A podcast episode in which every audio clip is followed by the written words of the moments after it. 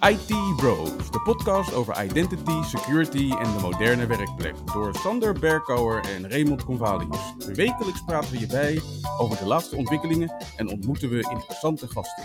Volg onze podcast op Spotify of iTunes en stel je vragen op Twitter, ITBrosNL. Ik ben Raymond Convalius. En mijn naam is Sander Berkouwer, terug van vakantie. Welkom bij aflevering 27 van de IT Bros podcast. Ja, daar wil ik toch wel even bij stilstaan, Ray. Want dat betekent namelijk dat we een half jaar bezig zijn. Yes, het eerste half jaar zit erop. Dat we al een half jaar lang onze luisteraars aan het vervelen zijn met allerlei uh, waanden van de dag dingen. Ja, maar ik krijg wel uh, leuke reacties inmiddels af en toe op uh, LinkedIn van onze collega's. Oh, zeker. Ja, een hoop positieve reacties. En ja, ook het waan van de dag aspect hebben we min of meer geborgd met bijvoorbeeld nou, Ron Onrust vorige week. En alle andere gasten die ons weer wat uit ons normale doen laten trekken. Ja, absoluut. Ik denk dat we een aantal hele leuke gasten hebben gehad. Ja, met soms ook ja, bijzondere bijdragen. Ik vond met name de bijdrage van uh, Matthijs Hoekstra, vond ik wel eentje die uh, de moeite waard is geweest. Ja, dat was ook een, een kijkje in de toekomst, zeg maar, waar Microsoft dit tweede half jaar eigenlijk ook ons tweede halfjaar mee bezig gaat houden. Ik ben benieuwd. Maar goed, tijd voor uh, het nieuws van deze week.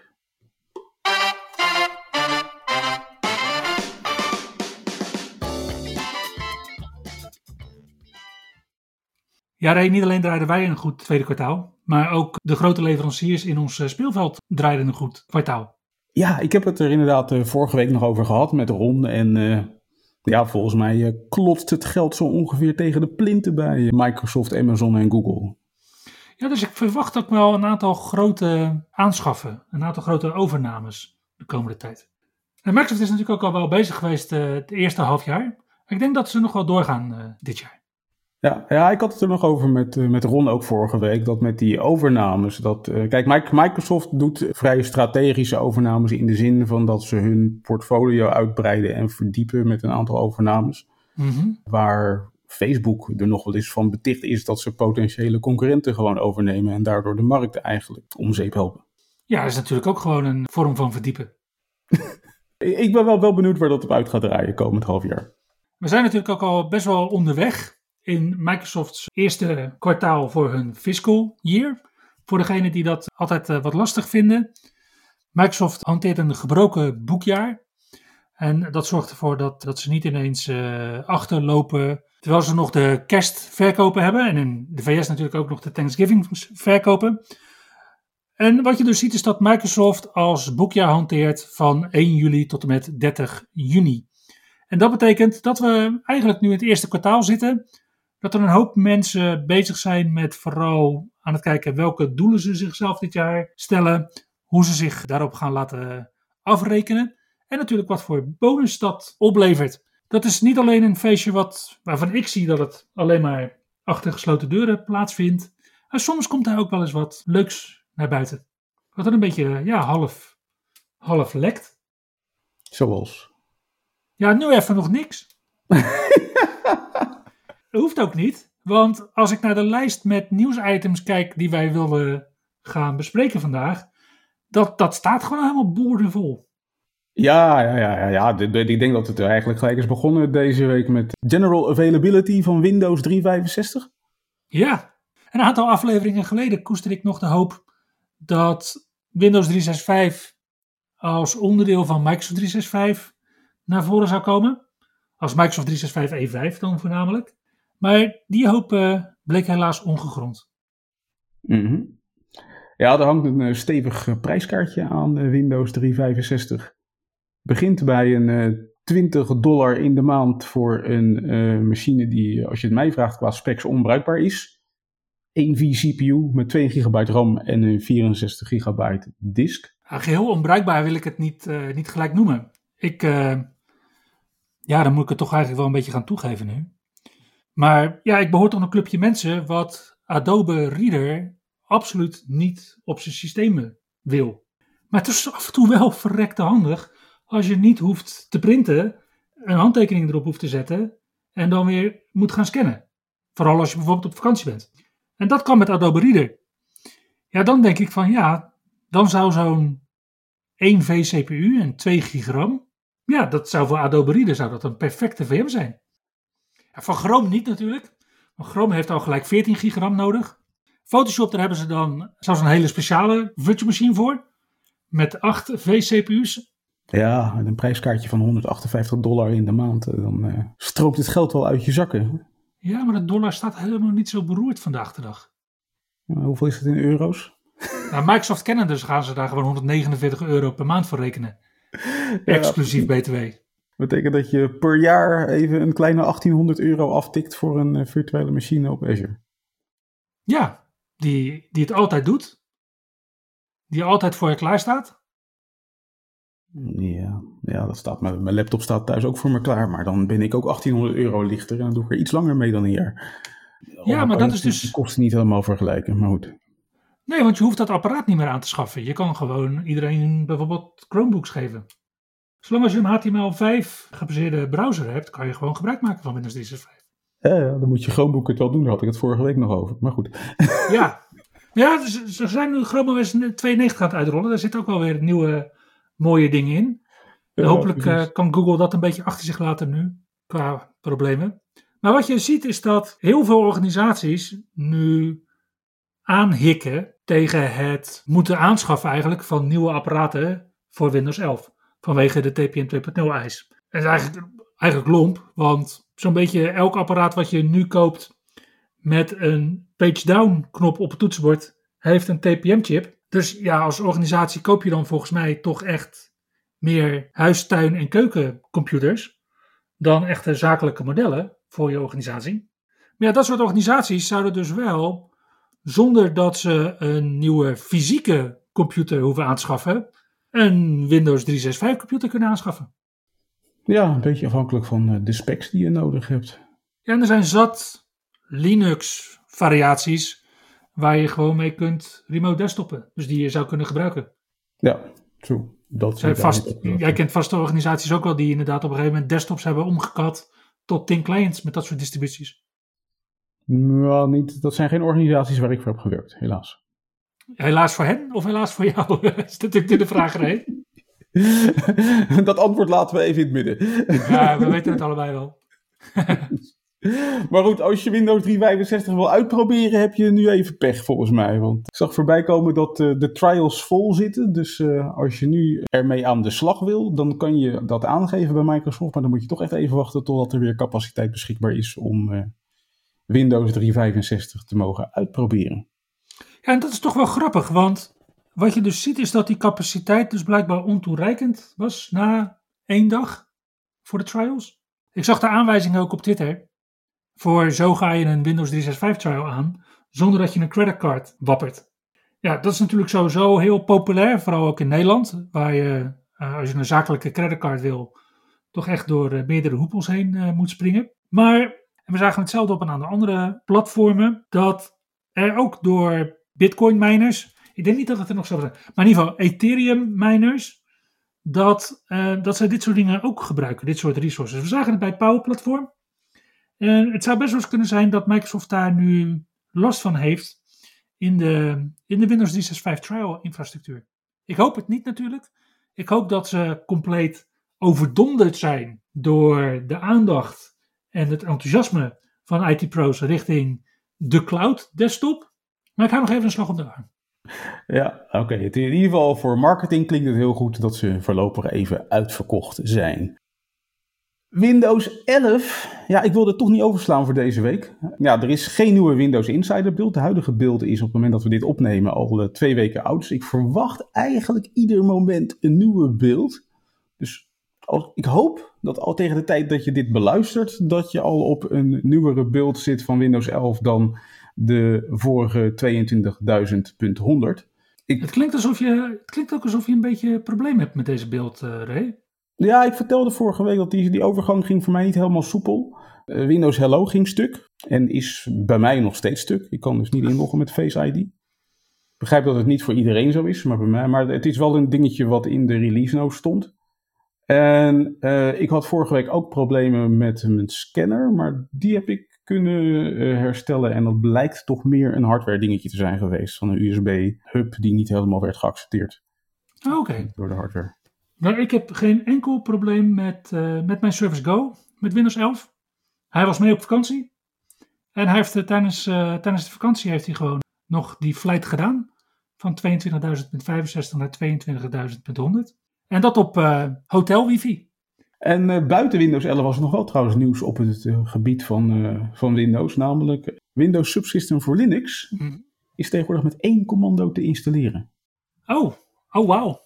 Nou dat is goed nieuws, want er zijn zat webpagina's waar onze collega IT-pro's inderdaad ellenlange stukken proza hebben geschreven over hoe je dat moet doen. Nou, die kunnen nu allemaal in ieder geval op recente versies van Windows 10 de prullenbak in. Inderdaad. Het is nog één commando. wsl.exe min min install. En als we dan kijken naar Windows 10. Want ja, we gaan een beetje het rijtje af geloof ik vandaag, uh, Ray. Mm -hmm. Dan zagen we op 29 juli een preview update. Dus in het kader van je kunt als IT Pro altijd bezig zijn richting een burn-out met updates bijhouden. Maar dit is wel een belangrijke update. Want wat je ziet is dat er allerlei zaken worden opgelost die helemaal niks met informatiebeveiliging te maken hebben. Maar die gewoon ronduit irritant kunnen zijn in Windows. Nou, en als je het hebt over iets wat ronduit irritant is, kan ik uit ervaring zeggen, dan uh, is het wel dat events in Event Viewer gewoon compleet bagger worden weergegeven. En zoiets is er nu. En het is ook alleen voor Nederlandstalige IT-pro's. Want als ik de update lees, dan lees ik daar that this update addresses an issue with auditing events 4624 and 5142 that display the wrong event template when Dutch is the display language. Geef niet, maar ja, 4624 gaat wel over interactief aanmelden en zo. ja, lastig als je dan een, eh, een onleesbare event uh, overhoudt in de event viewer. ja, gewoon informatie mist eigenlijk ten opzichte van een Engelstalig systeem. Inderdaad. Ja, als we dan toch het lijstje af aan het gaan zijn. Uh, we hadden het over Windows. Microsoft heeft tegenwoordig een eigen Linux-distro. Ja, jij zegt het alsof het nieuw is, maar Microsoft had vroeger ook al een, uh, ja, een Unix-distributie. Ja, Xenix. Ja, Ik weet niet of je dat uh, kent. Oh, ja, dat is lang geleden. Ja, het is misschien beter om het daar met Ron over te hebben, maar... Ja, nee, maar die Linux... cirkeltjes, uh, cirkeltjes rond, lijkt ja, ja, ja, die Linux-distributie, dat, dat gerucht ging eigenlijk al een tijdje. Alleen we mochten het er niet over hebben, volgens mij toen. Maar het is nu officieel. CBL Mariner heet uh, de Linux-distributie van Microsoft zelf. Ja, en Mariner, dan weten wij absoluut uh, allebei waar het vandaan komt. Ik heb geen idee. He, geen idee? Microsoft, Redmond, Seattle, Seahawks. Oké, okay. ja, daar kan ik me iets bij voorstellen. Okay. Ja, toch? CBL ja. Mariner dus. Lightweight distributie zonder desktop. Dus het is echt, echt kale, kale Linux. Je moet hem installeren op Ubuntu 18.4 of 20.4. En als je dat wil doen, dan is het niet zo makkelijk, want Microsoft heeft geen ISO beschikbaar gesteld. Maar er liggen wel instructies waarmee je uh, vrij makkelijk in ieder geval als Linux-scanner, uh, je installatie kan doen met de Linux-distributie van Microsoft. Ja, en Ubuntu was natuurlijk al een uh, stukje richting Windows opgekropen. De laatste keer toen ze natuurlijk in 20.04 de Active Directory Join feature toevoegden. Het wordt een steeds innigere omhelzing, lijkt het. Dat kan je wel stellen, ja. Microsoft loves Linux. Ja, de dagen dat Steve Ballmer het inderdaad een gezwel noemde, liggen lang achter ons. Heel ver achter ons. ja. Dus we zien dat zo'n Microsoft Linux distributie, omdat hij geen GUI heeft, natuurlijk vooral voor servertaken zal worden toegepast. Ja, Microsoft heeft natuurlijk zelf ook een besturingssysteem, namelijk Windows Server. En we staan op de vooravond van Windows Server 2022, als we alle geruchten moeten geloven. En Microsoft heeft nu wat meer nieuws uitgebracht over wat ze nou precies gaan doen met Windows Server. En het is ja, niet heel wereldschokkend, denk ik, maar het is wel anders. Microsoft heeft het natuurlijk een tijdje geprobeerd tussen Windows Server 2016 en ja, nu. Met elk half jaar een semi-annual channel release, een SAC release.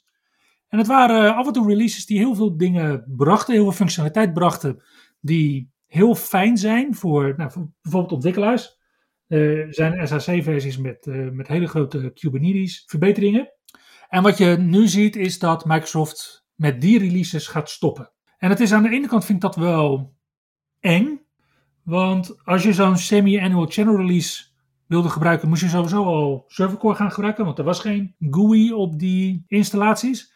Dus ja, ik hoop dat dit niet leidt tot een, of een, een mindere impuls richting IT pros om niet meer, of nog steeds meer, PowerShell en infrastructure as code en dat soort dingen te gebruiken. Ja, inderdaad. Ja, ze, ze, zeggen dat voortaan die focus op containers en microservices komt te liggen bij Azure Stack HCI. Ja, en wat je dus ook ziet is dat uh, die laatste Windows Server versie, versie 2104, dat die inderdaad ook alleen nog wordt ondersteund op Azure Stack HCI. Ja, ik ben toch wel benieuwd of dit een uh, hoop dingen gaat veranderen voor de toekomst. Nou, ik denk dat het vooral rust geeft. Kijk, we hebben Windows Server releases hebben we natuurlijk elke twee, drie jaar zo'n beetje gezien. En ja, veel organisaties werken natuurlijk nog steeds met Windows Server 2008, Windows Server 2008 R2. Dat soort niet meer ondersteunde besturingssystemen. Ik denk dat het makkelijker wordt voor ze. Ik denk, denk dat de communicatie vanuit Microsoft beter gaat zijn zonder de afleidingen van die semi-annual channel releases.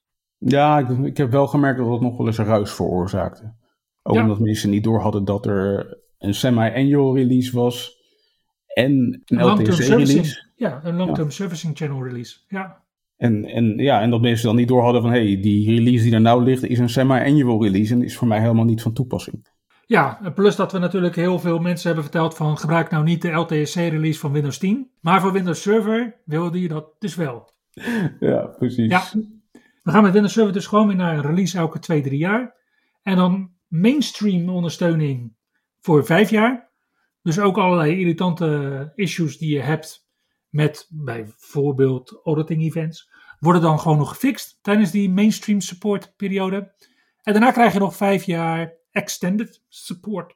En dat zijn inderdaad alleen security fixes. Op het gebied van uh, Azure AD was er trouwens een hoop nieuws uh, afgelopen maand, uh, Sander. Ja, het is de altijd hippe Azure Active Directory natuurlijk. Hè? Nou, wat je nu ziet is dat er een aantal nieuwe features in public preview zijn en een aantal features nu generally available zijn. Dus geschikt voor dagelijks gebruik. Geschikt om aan medewerkers alvast uit te leggen dat je dat gaat aanzwengelen of juist niet. En een van de dingen die nu general available is, is dat medewerkers nu zelf hun inlogactiviteit kunnen reviewen. En dat betekent dus dat allerlei inbraakpogingen kunnen worden gemeld. En dat die inbraakpogingen ook daadwerkelijk door Microsoft in het machine learning van Identity Protection worden meegenomen. Nice. En in die Identity Protection feature zie je nu ook, en die is ook GA, de Anomalous Token Detection. En dat is natuurlijk waar we al een tijdje op zitten te wachten sinds uh, SolarWinds, zeg maar, sinds de eerste supply chain attacks, kunnen we nu zeggen. Waarbij ADFS-installaties door kwaadwillenden werden overgenomen. En nu ziet Microsoft dat soort dingen dus en worden gedetecteerd.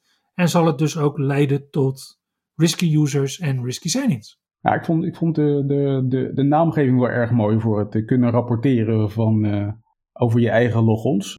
Ze hadden het over uh, end users can now report this wasn't me.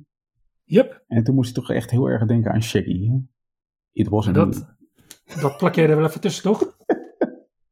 nee, ik, ik lag helemaal niet te krikken met de buurvrouw. Nee, was het niet. Die is voor de blooper reel. Yep. Wat we ook zien als general available is conditional access als je een apparaat joint of registreert in Azure AD. Dus normaal gesproken had je daar alleen maar het vinkje van, nou, ik wil wel of niet multifactor authentication. En dat vinkje stond standaard uit. Maar nu hebben we alle conditional access uh, capriolen die we kunnen uithalen. En dat zorgt er dus voor dat je dus ook inderdaad kunt zeggen van, goh, ik wil dat je een apparaat alleen maar kunt joinen of registreren. Als je bijvoorbeeld binnen de muren van de organisatie bent. Ja, je ziet dat wat dat betreft conditional access langzaam maar zeker wordt uitgebreid met steeds meer uh, opties waar je het op kan loslaten. Ja, maar ook multifactor authentication staat niet stil. Want deze maand zien we ook de nudge feature voor Microsoft Authenticator in public preview. Vertel. Kijk, Ray, het is jou vast wel bekend dat als je sms-berichten of uh, phone call gebruikt als MFA-methode, dat dat niet de meest veilige optie is.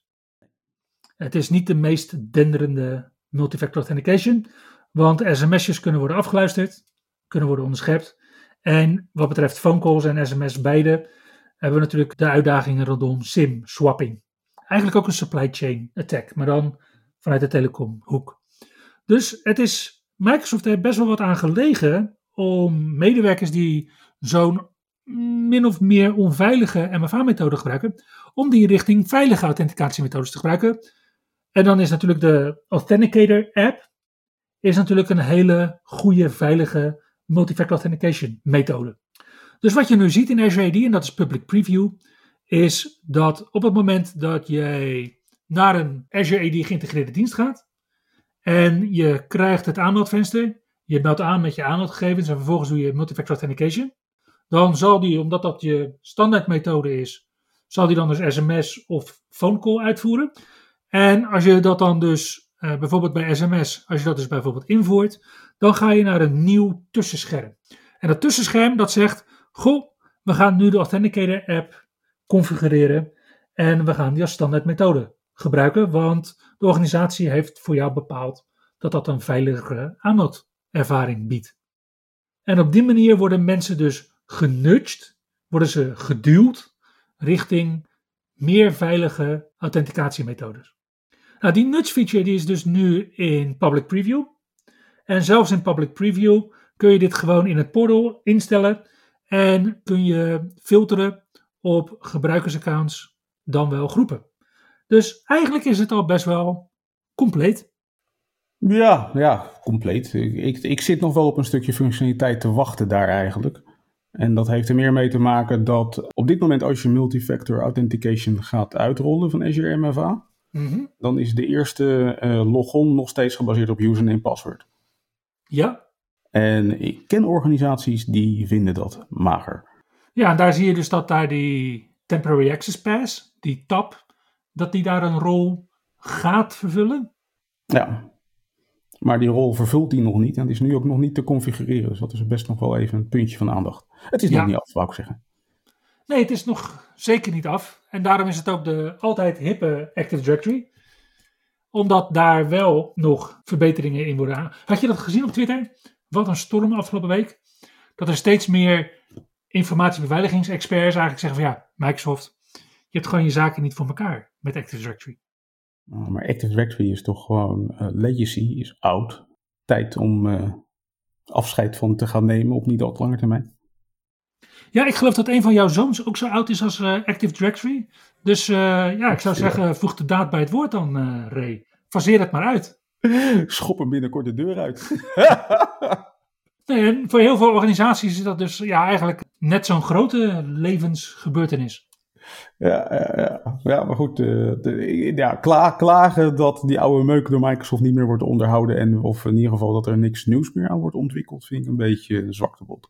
Ja, je ziet dat er features in Windows Server 2012, in Windows Server 2012 2, in Windows Server 2016 zijn geïntroduceerd. Die nog niet eens worden ingezet door beheerders. Bijvoorbeeld Kerberos Armoring, wat we zagen in Windows Server 2012, wordt nog bijna niet gebruikt.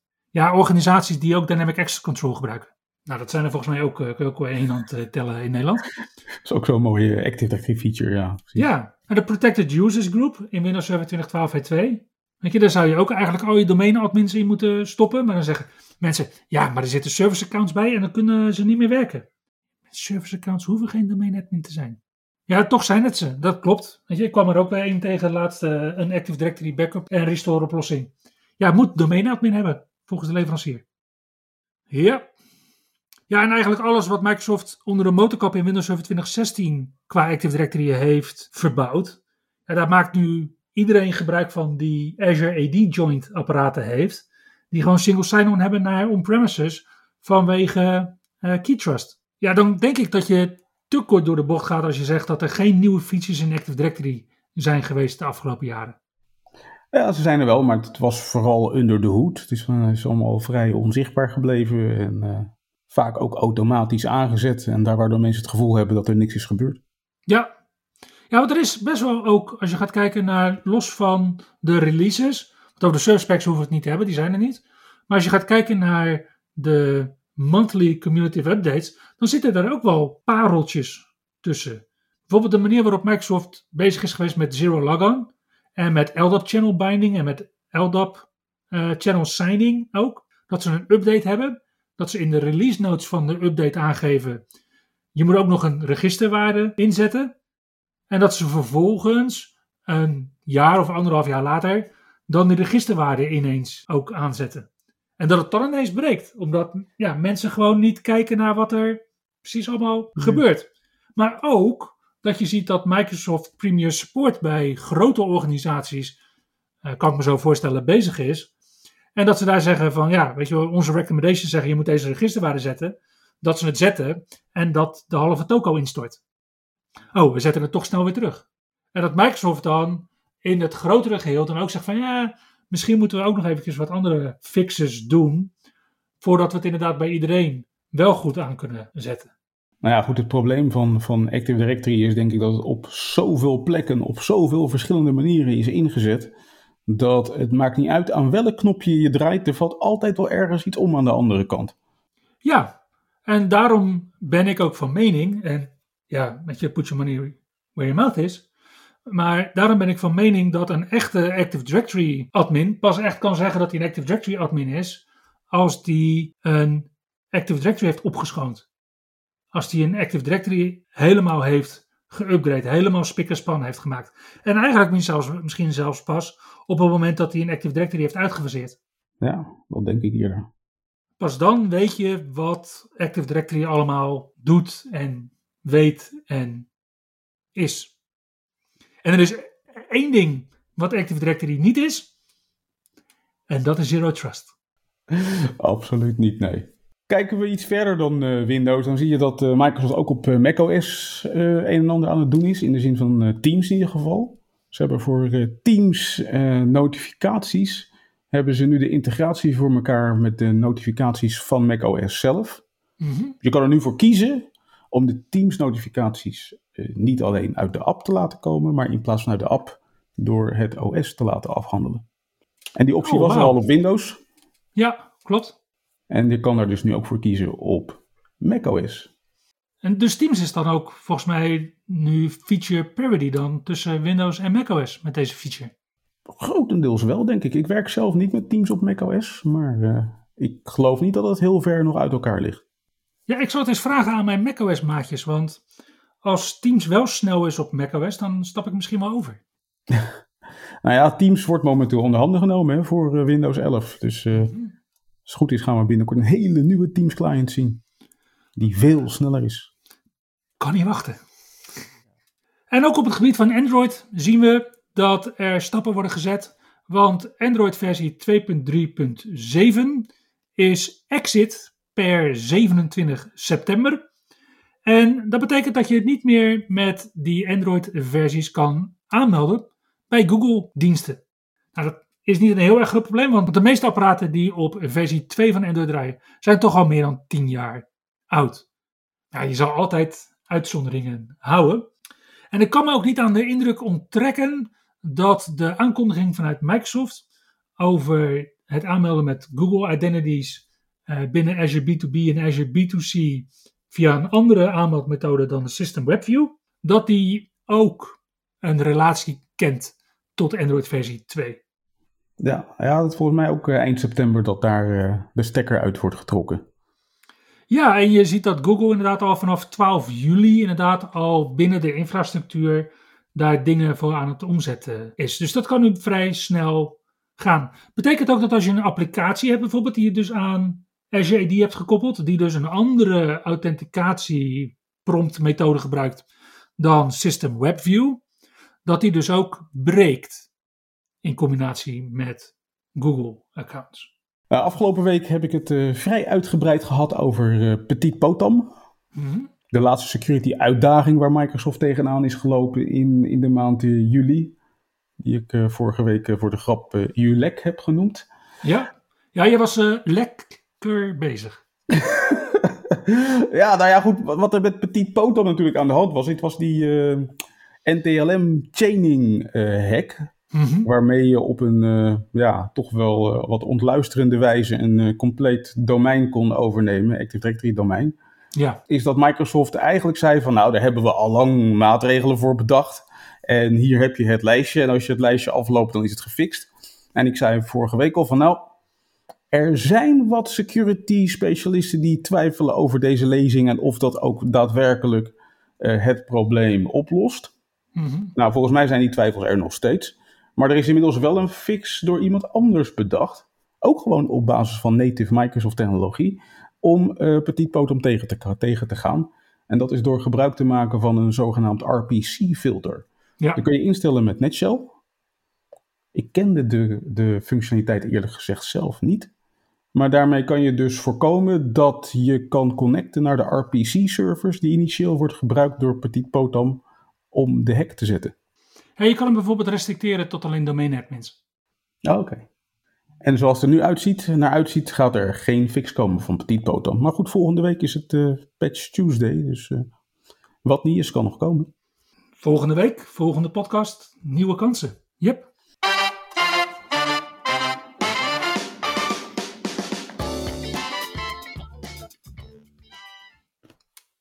Normaal gesproken zouden we ons nu bezig gaan houden met de evenementen. Maar er zijn geen evenementen. Nou, geen evenement om aan te kondigen. Nou ja, de- terwijl we dit opnemen, begint volgens mij zo ongeveer DEFCON. Mhm. Het was even onduidelijk of DEFCON door zou gaan, maar ik heb net even gecheckt. Je, je mag naar DEFCON, maar je hebt een paar uitdagingen. Ten eerste mag je als Europeaan volgens mij Amerika niet in. En als je dan wel Amerika in weet te komen en je kan naar DEFCON, dan ben je verplicht om een mondkapje te dragen en een bewijs bij je te hebben van vaccinatie. Ja, Dus, dat is eh, ook een eh, manier om eh, het aantal mensen bij evenementen te verminderen. Ik denk dat ik een poeltje ga starten om te kijken of ze wel of niet over de 750 mensen heen gaan. Ik ben benieuwd. Ja, ik hoop dat de tenten aan vier kanten open kunnen.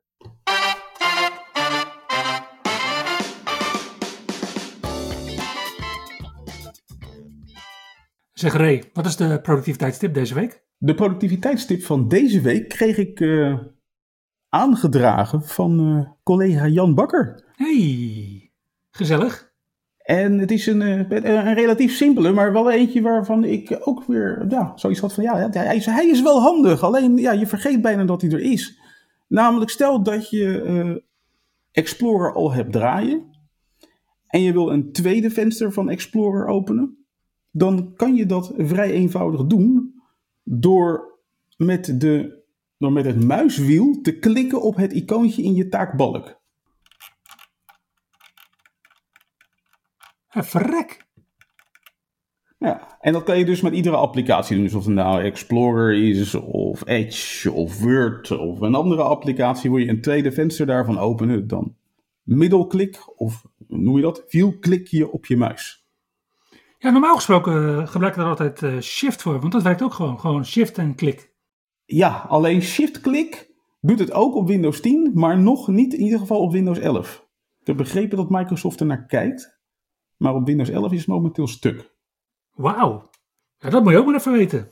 Ja, en als je dan zeg maar meerdere vensters hebt en je wil eenvoudig kunnen switchen tussen die meerdere vensters, dan kan je Ctrl middelklikken om te schakelen tussen die verschillende vensters. Het klinkt allemaal zo logisch, hè? Ctrl en Ctrl-Shift en ja. Maar even voor de duidelijkheid dus. Dus Jan, eh, onze collega Jan, dankjewel Jan, heeft eh, deze productiviteitstip aangedragen. En jij hebt daar gewoon weer een mooie bug report voor gemaakt in Windows 11 dat het stuk is. Nou, ik Dat heb de bug report niet zelf gemaakt, maar eh, ik heb het wel geconstateerd. Mede geconstateerd, moet ik zeggen. Super, dus er wordt ook alweer aan gewerkt. Yes. Gaaf. Daarmee zijn we aan het einde gekomen van eh, aflevering 27 van de IT Bros podcast. Dankjewel voor het luisteren. En tot volgende week. Tot de volgende week. Je luisterde naar IT Bros, de wekelijkse podcast over identity, security en de moderne werkplek. Abonneer je op Spotify, iTunes of Google Podcast als je de volgende aflevering niet wilt missen. Heb je hints of tips? Laat dan van je horen op Twitter. @itbrosnl.